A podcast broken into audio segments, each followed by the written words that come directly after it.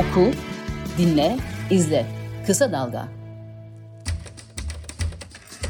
Sedat Bozkurt ve ben Ayşe Yıldırım yeni bir yayınla karşınızdayız.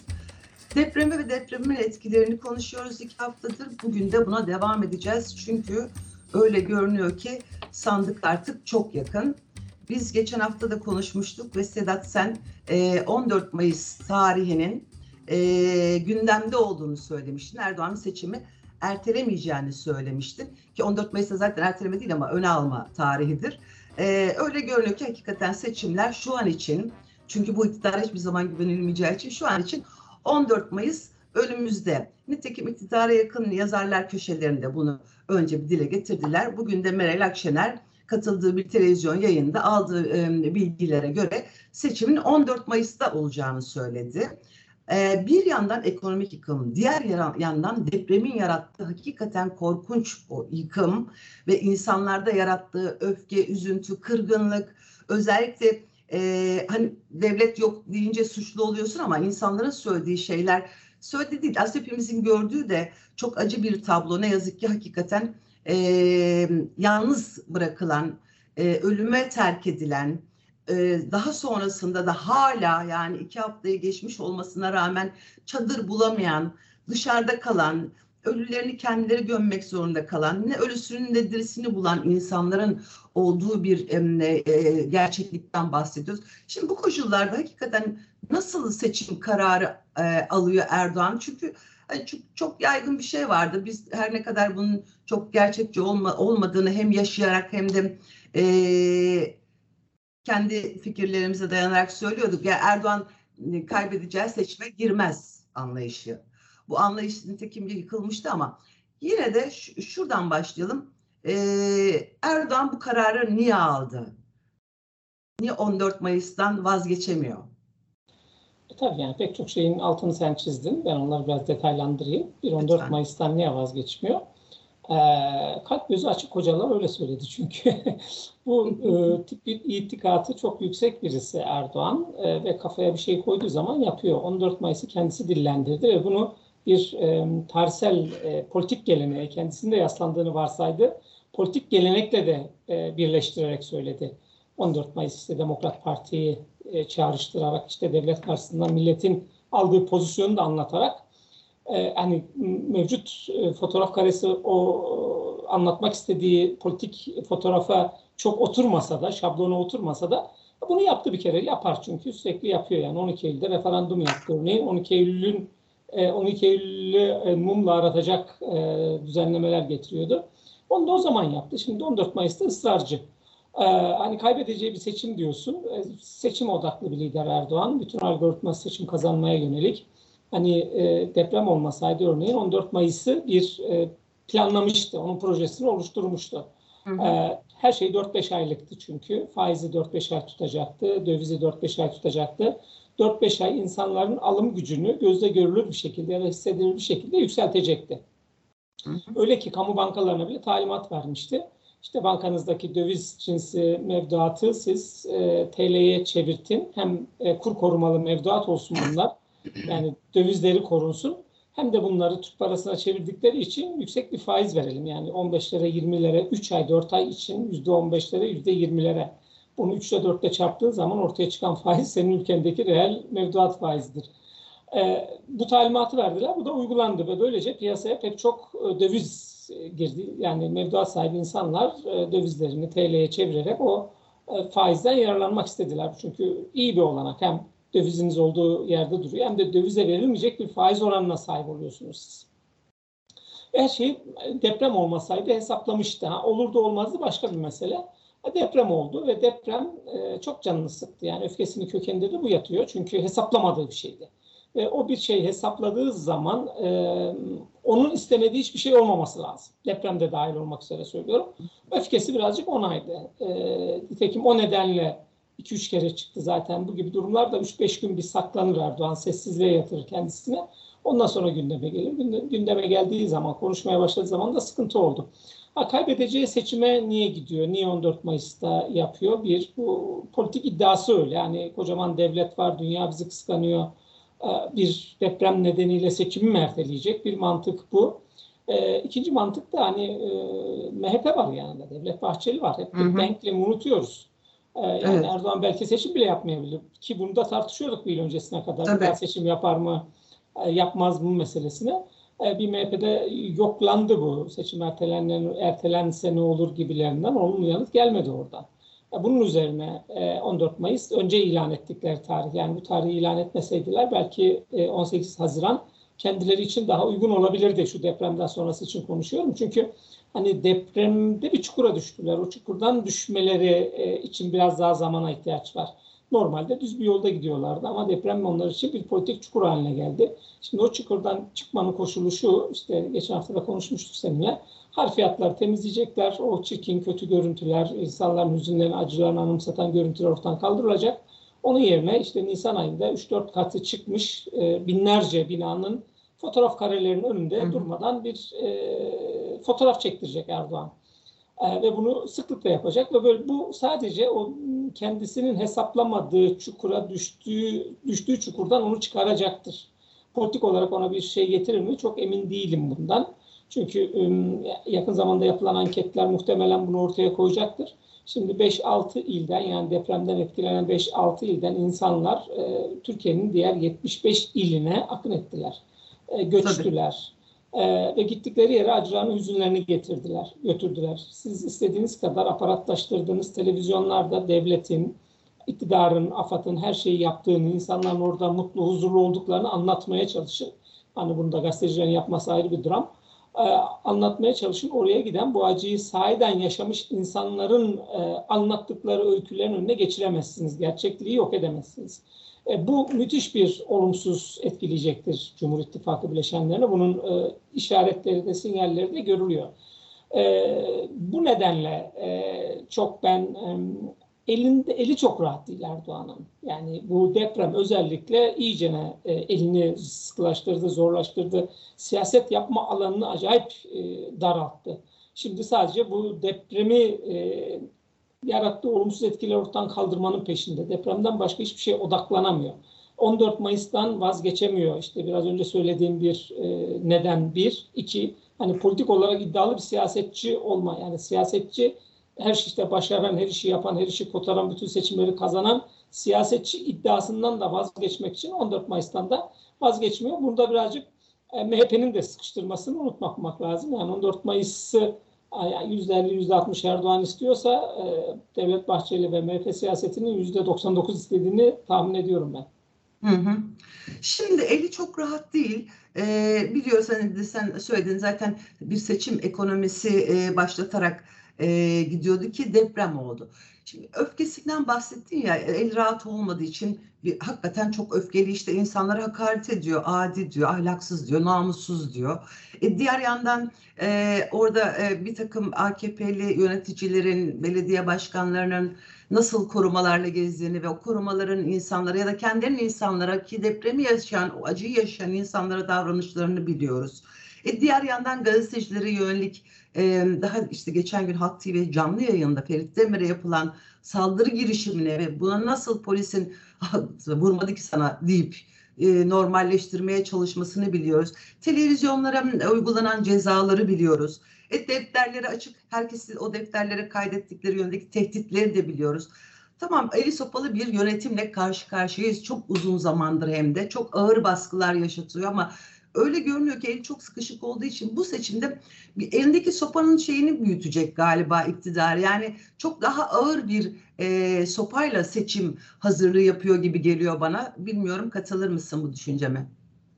Ya bu, bunun niyetlerini görüyoruz ama Türkiye böyle yönetilecek bir ülke değil. Yani böyle yönetmeye kalkarsanız e, başarılı olamazsınız.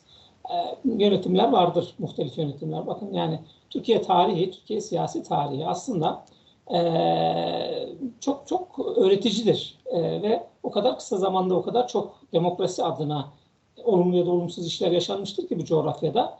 E, böyle hızlandırılmış kursla bir demokrasi dersi alabileceğiniz bir siyasal tarihimiz vardır bizim.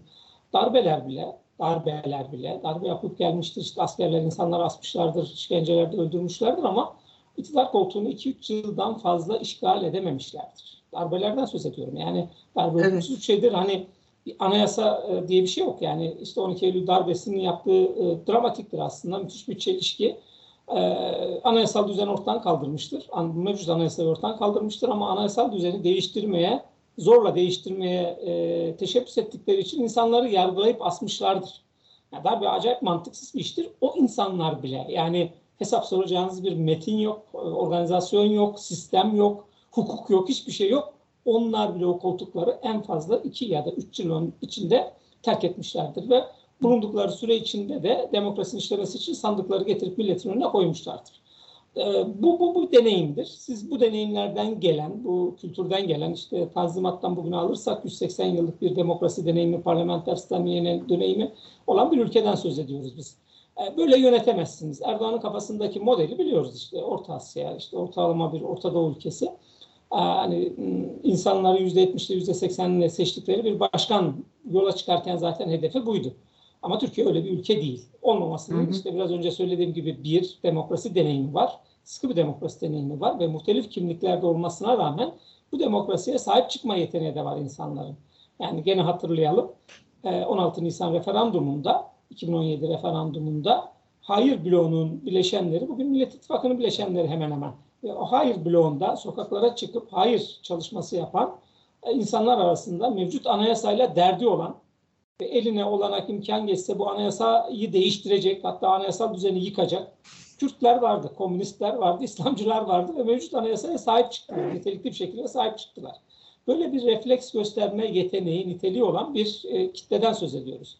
Bunları Erdoğan dönüştüremedi. Bakın 16 Nisan 2017'den itibaren her türlü güç elinde olmasına, değerleri, devlet aygıtını bu kadar hoyratça kullanmasına rağmen o dönem muazzalı olan, şaibeli olan yüzde 51'in üstüne bir yanına kimi alırsa alsın. MHP'yi, BBP'yi, İslamcıları, işte e, milliyetçileri e, alsa bile yüzde 51'in üstüne hiçbir şey koyamadığı gibi yüzde 51'in yüzde 20'sini de kaybetti. Yani şimdi yüzde 30'larla e, oy oranı ölçülen bir Erdoğan var. O baskıcı rejim, tek adam rejiminin Türkiye'de işlemediğinin 5 yıllık e, pratiğini e, yaşadık. Cumhurbaşkanlığı sistemine geçildikten sonra e, dördüncü, o beşinci yılımız yeni bitiyor. E, referandumdan bu yana altı yıl geçti. Altı yıllık referandum sonrası beş yıllık Cumhurbaşkanlığı sistemi gösterdi ki o yetkiler elinizde olsa bile baskıyı, dozunu insanları uyuşturarak hafif hafif hissettirmeden arttırsanız bile bu oy oranınızı arttırmaya yetmiyor. Ama hı hı. ne yapacak? Ee, ben hep bisiklet metaforuyla anlatıyorum bunu. Bir kere daha anlatayım. O pedalı e, çevirmek zorunda. Çeviremezse düşer. Veya hızlı çevirmek zorunda ki hiç düşmesin. Kendi kitlesini konsolide etmek için de kendisine e, vehmedilen o gücün hala var olduğunu göstermek için de buradan ödün veremez Erdoğan. Mümkün değil. Yani e, şimdi devlet aygıtını da nasıl kendisi için kurguladığını görüyoruz işte. Bakanlar bile yangın söndürmeye giderken Cumhurbaşkanı talimatıyla geldik falan diyorlar. AFAD işte e, depremdeki en büyük sıkıntı zaten bu e, hiyerarşi içindeki emir komuta işlememesinden, emir komuta zincirinin işlememesinden kaynaklandı. İşte askerin müdahale edememesi, AFAD'ın hemen organize olamaması gibi. Hatta polisin bile önlem alamaması, koordine olamaması bunların hepsi işte o emir komuta zincirinde herkesin yukarıdan bir talimat beklemesiyle yaşandığını görüyoruz.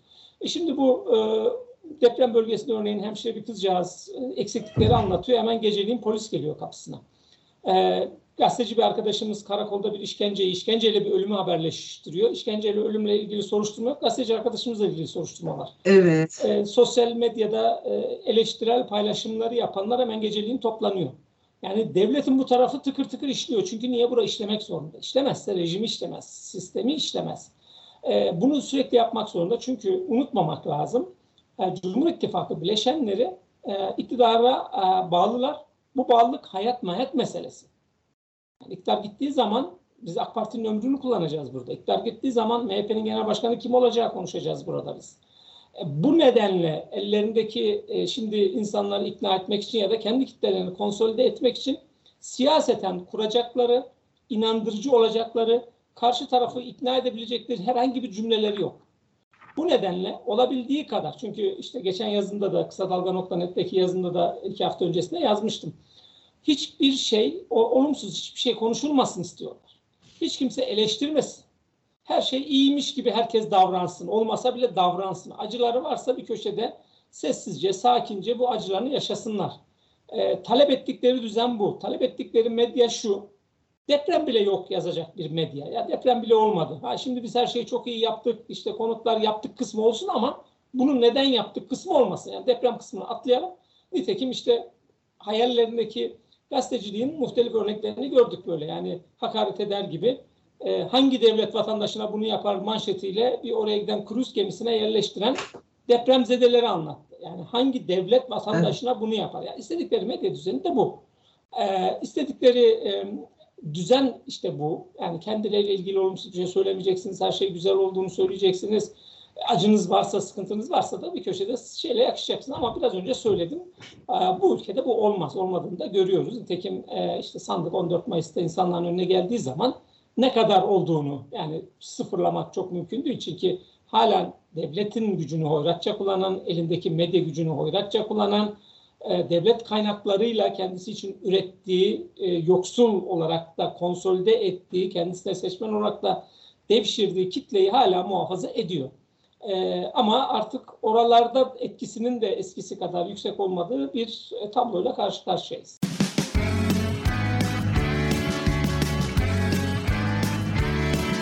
Kulağınız bizde olsun. Kısa Dalga Podcast.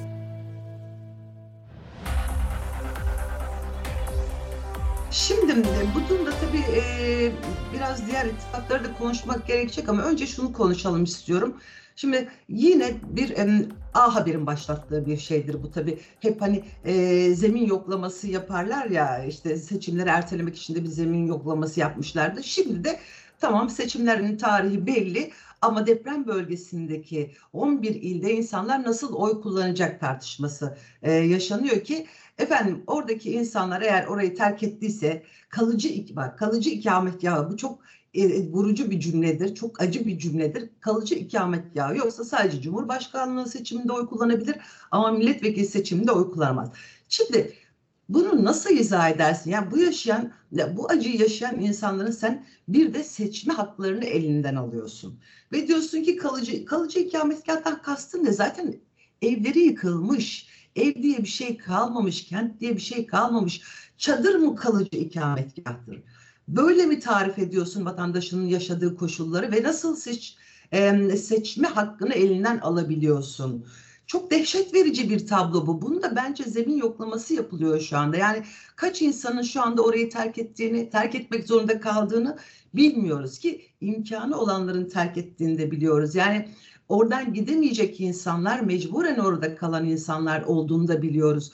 Yani bu acıların ortasında o çaresizliğin içerisinde kal o koşullar ancak seçim e, seçme hakkını kullanabilirsin diye çok acı, çok büyük bir ayrımcılık. Daha doğrusu bence bu suçtur. Bunu söylemem de suç olarak bana geri dönebilir mi onu da bilmiyorum ama yani böyle bir tabloyla da karşı karşıyayız. Bunu yapabilirler mi? Yani Tamam hani Türkiye'de e, yasalar, anayasalar falan hep e, yok sayılmıştır ama buna rağmen itirazlarımız dile getir, getirdik ki muhalefetin itirazlarını dile getirdiği konularda da nitekim başarı ve sonuç alındığında gördük. Ne şimdi, diyorsun? Şimdi yani e, adında haber olduğu için A Haberi habercilik yapılan kurumu görmek lazım ama orada işaret şeydir tabii ki. İktidarı biz nasıl anlayacağız? Buralardaki e, haberler üzerinden anlayacağız. Niyetini falan anlayacağız. Ya tabii ki orada bir, e, onların da kafası karışık. Şimdi bu işi nasıl kotaracaklar, nasıl bir model ortaya çıkaracaklarını çok çözemiyorlar.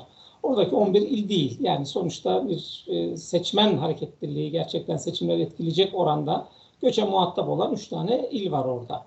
E, ve bunlar organize olurlar. Nasıl olurlar? Bir, bir model geliştirirsiniz. Hani büyük devletiz ya tırnak içinde onu da söyleyeyim. Ee, örneğin Sivas'taki e, MHP'nin mitingine İzmir'den, Aydın'dan binlerce insan taşıdınız siz. Devlet olarak taşıdınız. Ee, o kentlerden ayrılan insanlar da seçim günü oy vermek için o kentlere tekrar taşıyacaksınız. Sizin göreviniz bu. Bunun bir ikinci seçeneği yok.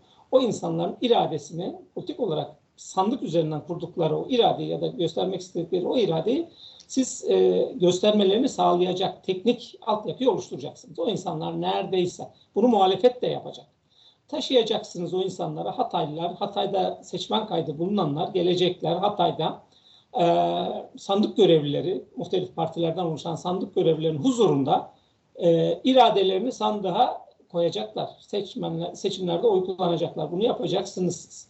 Bunu yapmamak demek e, o depremin kalıcı etkisinin kalması demektir. Hani e, bir de CHP'den gelmişti galiba o örnek. E, mevcut sandıkların yanına bir tane de deprem bölgesi için sandık koyalım diye. O çok tehlikelidir. Onun nerelere varacağını bilemeyiz. Çünkü e, deprem bölgesinden geliyorum deyip orada atıyorum Ayşe Yıldırım adına oy kullandığı zaman onun Ayşe Yıldırım olup olmadığını hiç kimse bilemez. E, ve Ayşe Yıldırım olarak sen deprem bölgesinden oraya geldiğinde ama sadece Ankara'da İstanbul'da mı oy kullanacaksın? Belki Türkiye'nin aynı gün içinde yetişebildiğin 5-6 tane ilinde oy kullanabilirsin. Çünkü bunları niye düşünüyoruz? Ee, yaşadıklarımızdan düşünüyoruz. Çünkü bunlara biz muhatap olduk. Ee, ve e, gram hala niye modası geçmiş Hindistan'da bile az kullanılan parmaklara boya verilmeyi biz tartışıyoruz. Parmağa boya evet. sürülmesinden vazgeçtik. Kafamızı boyanın içine sokalım. O kadar bir güvensizlik zirve yapmış vaziyette. Ki Sen, boyaya karşı çıkıyorduk bir dönemler. kesinlikle ilkel diye karşı çıkıyorduk. Şimdi e, lütfen diyoruz yani. Evet. yani. Hayır biz biz elimizi başımızı sokmaya dünden razıyız yani. Çünkü böyle güven telkin etmeyen bir devlet organizasyonunuz var ve bunun temelleri var. Yani bir e, halüsinasyon üzerine bunları söylemiyoruz. Bir evham olarak söylemiyoruz bunları. Yani o bölgede bir şekilde YSK'nın görevi budur. Orada insanların oy kullanmasını sağlayacaklardır. Ha, gidip kalıcı olarak bir daha Hatay'a dönmeyeceklerse eğer ha, bunların listesini çıkarmak çok mümkün. Madem 14 Mayıs diye siz önüne, önünüze bir hedef koydunuz. Çok rahat bir şekilde kompütür üzerinden insanlar nerelere gittilerse yeni seçmen kayıtlarını oraya aldırırsınız. Buna göre bir milletvekili dağılımında da değişiklik olabilir. Belki ki bence de değişiklik yapmamak lazım. Çünkü deprem gören bir bölgenin milletvekilleri sayısı ne kadar çok olursa oradaki deprem yaralarını salmak daha sarmak daha çabuk olabilir. Bunlara böyle bakmak lazım. Hep pozitif tarafından bakmak lazım. Ben o nedenle yani 2-3 tane çok göçün yaşandığı, seçim sonuçlarını etkileyecek seçmen hareketliliğinin yaşandığı e, il var, kent var. E, burada da çok rahat devlet organize olur, muhalefet partileri organize olur. E ne olacak yani belediyeler için bir e, aynı çadır kurmak, aşevi açmak kadar insanların siyasi iradelerini ortaya koymalarını sağlamak da bir haktır. Bunlar için otobüsler kaldırabilirler, uçaklar kaldırabilirler. Sabah oraya seçmeni götürürler, seçmenler oy kullanır, akşam da alır getirirler. E, ya da bunlara nakli yardımda bulunurlar gidecekleri şekilde uçak kaldırabilirler. Yani bunların hepsi yapılır. Sonuçta o e, seçmen iradesi sağlıklı bir şekilde sandığa yansır. E, buradan bir e, hani selden kütük kapmayı çok e, maharetli bir iktidar bileşenleri var. Zorlayacaklardır sonuna kadar. E, iktidara bu alanı muhalefetin yaratmaması lazım. Modeli getirip önlerine koyması lazım. İşte ben bir model önerdim. Şimdi e, o, o, bu çok tartışılacaktır zaten ki e, herhalde bundan da vazgeçeceklerdir. Yani zemin yoklama diye baştan da söylemiştim. Zamanımız daraldı. Şimdi e, muhalefeti biraz konuşalım istiyorum. E, takvim belirlendi aşağı yukarı ortaya çıkmaya başladı. Dolayısıyla Millet İttifakı'nda uzun süredir hani e, kim adayınız, kim adayınız şeyleri de yeniden e, konuşulmaya başlandı. Hiç bırakılmamıştı ama biraz daha yoğunlaşacak sanki. Kemal Bey'in adının ön planda olduğunu zaten hep konuştuk ama Meral Akşener İyi Parti'nin masada yarattığı krizleri de biliyoruz. Meral Akşener bugün Fox TV'de e, yine sanki masada bir krize yol açacak e, bir de cümle demeyeyim aslında bir konu üzerinde e, konuşurken şöyle dedim işte e, CHP Genel Başkan Yardımcısı Bülent Kuşoğlu'nun Hande Fırat'a verdiği söyleşiyi anımsattı ki o söyleşide Bülent Kuşoğlu hani e, Kemal Bey aday olmazsa masa dağılır e, minvalinde bir şey söylemişti. Ve bunun e, düzeltilmediğini, o sözün ortada kaldığını, oysa İyi Partili Cihan Paçacı'nın işte Kılıçdaroğlu değil de Ekrem İmamoğlu olsa daha iyi olur sözündeki e, söz, sözleri sonrası görevinden istifa ettiğini hatırlatarak hani sürekli İyi Parti'ye parmak sallanıyor. Bu masada da biz noter değiliz minvalinde e, sözleri e, yineledi bugün. Şimdi bu yeni bir krizin habercisi mi? Yani e, İyi Parti o hep eleştirilen hani e, masada belirleyici olma, rol kapma, ileriye yönelik e, kendisini ön plana çıkarma şeyini koruyacak mı böyle bir kriz ortamındayken Türkiye? Masada bir kriz var. Krizin adı da İyi Parti. Şimdi Meral Akşener sabahleyin birazcık daha bu krizi görünür hale getirmiş. E, şimdi yani bir temel fıkrası vardır. Hep anlatırlar bunu. Rizeli olduğum için çok rahatlıkla temel fıkrası anlatabiliyorum yani.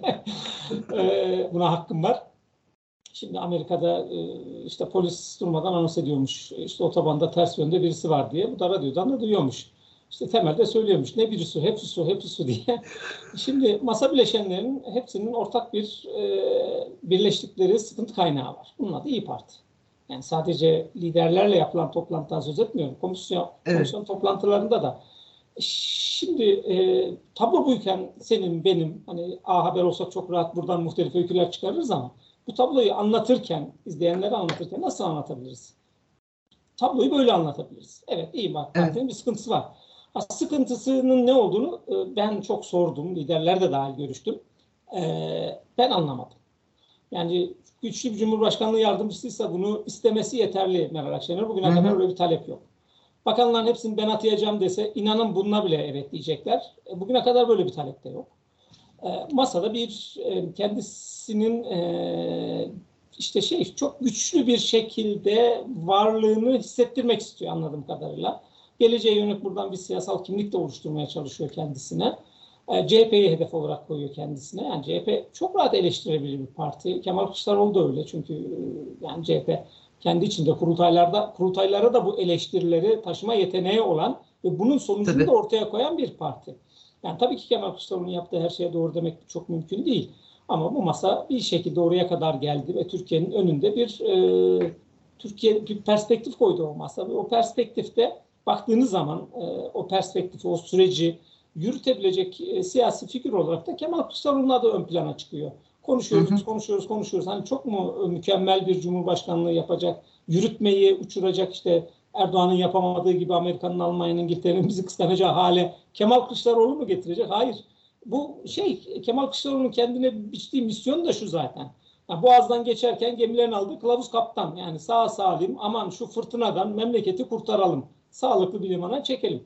Ben e, bu, bu önümüzdeki hafta zaten bu hafta birazcık bunları yazacağım. Biraz daha sert yazacaktım ama birazcık daha yumuşatmam gerekti galiba. Aldığım bilgiler nedeniyle başka bir şey değil yani. E, telkin talimat değil. Çok isterdim bir telkin talimata muhatap olmayı ama maalesef oralarda değiliz. Belki ileriki dönemlerde olabilir. Hayır zaten her, her zaman söylüyorum zaten. Bazen ekranlarda konuşurken sanki Millet İttifakı'na yana pozisyon almış gibi bir e, hisse kapılıyor izleyenler. Doğru bir his bu. Çünkü nedeni şu, ben bu Millet İttifakı bileşenleri eleştirebilmem için ülkede asgari demokrasinin oluşması lazım. Yani demokrasiyi bir kuralım ondan sonra göreceksiniz eleştiri, gazeteci eleştirisi nasıl yapılır. O zaman ben talebim bu. O kadar net yani. Yani pek çoğumuzun talebi bu. Senin de. Hala talebin. eleştiriyoruz. Tabii ki yanlışları söyleyeceğiz. Tabii. Görevimiz bu zaten. Abi, hafif bir torpil yapıyoruz işte. O neden? Şundan. Hani gazetecilikte hepimiz politik e, gazetecilik tarafındayız. Hepimiz de politik kişileriz, kimliyiz.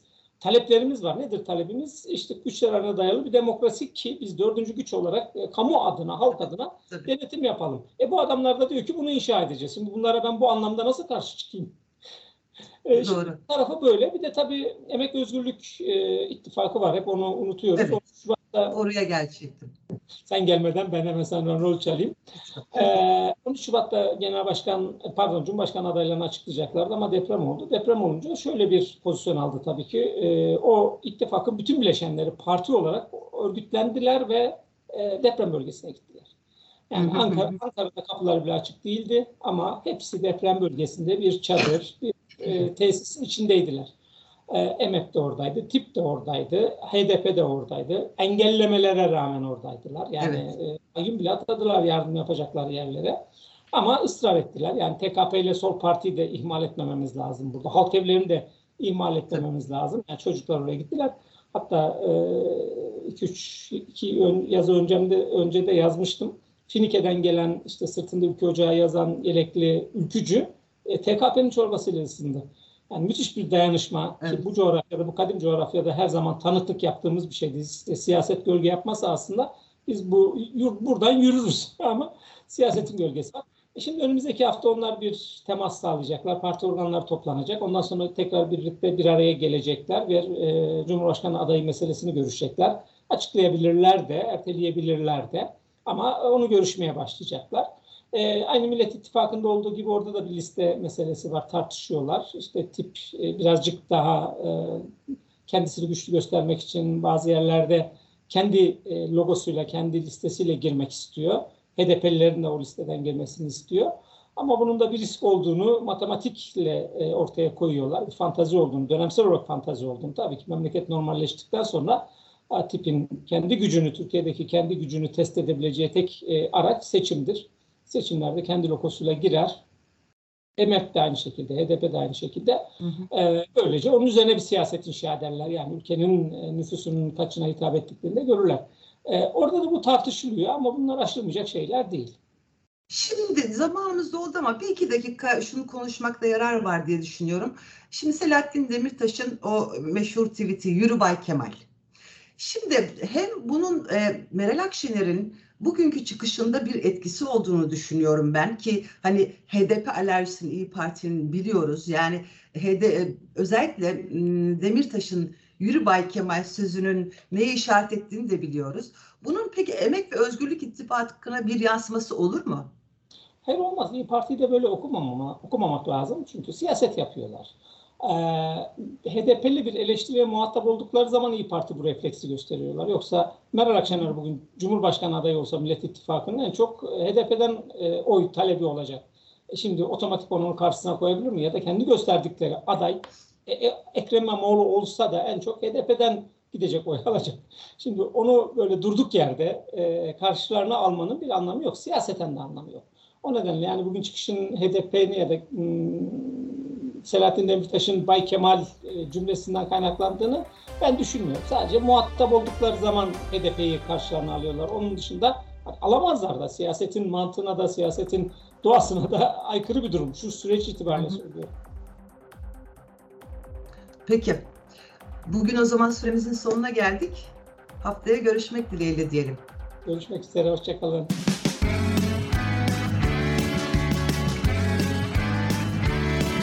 Kulağınız bizde olsun. Kısa Dalga Podcast.